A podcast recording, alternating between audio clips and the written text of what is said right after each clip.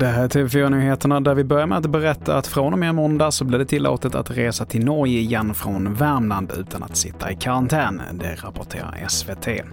Även Norrbotten grönlistas, men man måste fylla i en blankett och snabbtesta sig vid gränsen. Men för Gotland, Halland, Skåne och Stockholm så gäller fortsatta karantänregler enligt tidningen VG.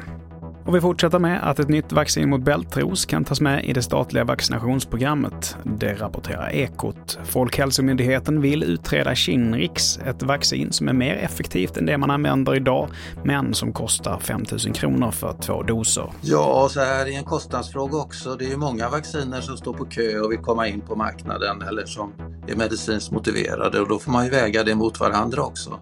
Så att eh, det här är ju en politisk fråga också. Och det sa Lars Hagberg, professor vid Sahlgrenska akademin. Och till sist så är Sverige vidare till semifinal i OS efter att ha besegrat värdnationen Japan med 3-1. Blackstenius, som stod för 2-1 målet, tangerar dessutom Lotta Schelin som främsta OS-målskytt för landslaget med sex mål. Nu väntar Australien på måndag klockan ett svensk tid. Det var det senaste ifrån TV4 Nyheterna. Jag heter Mattias Nordgren.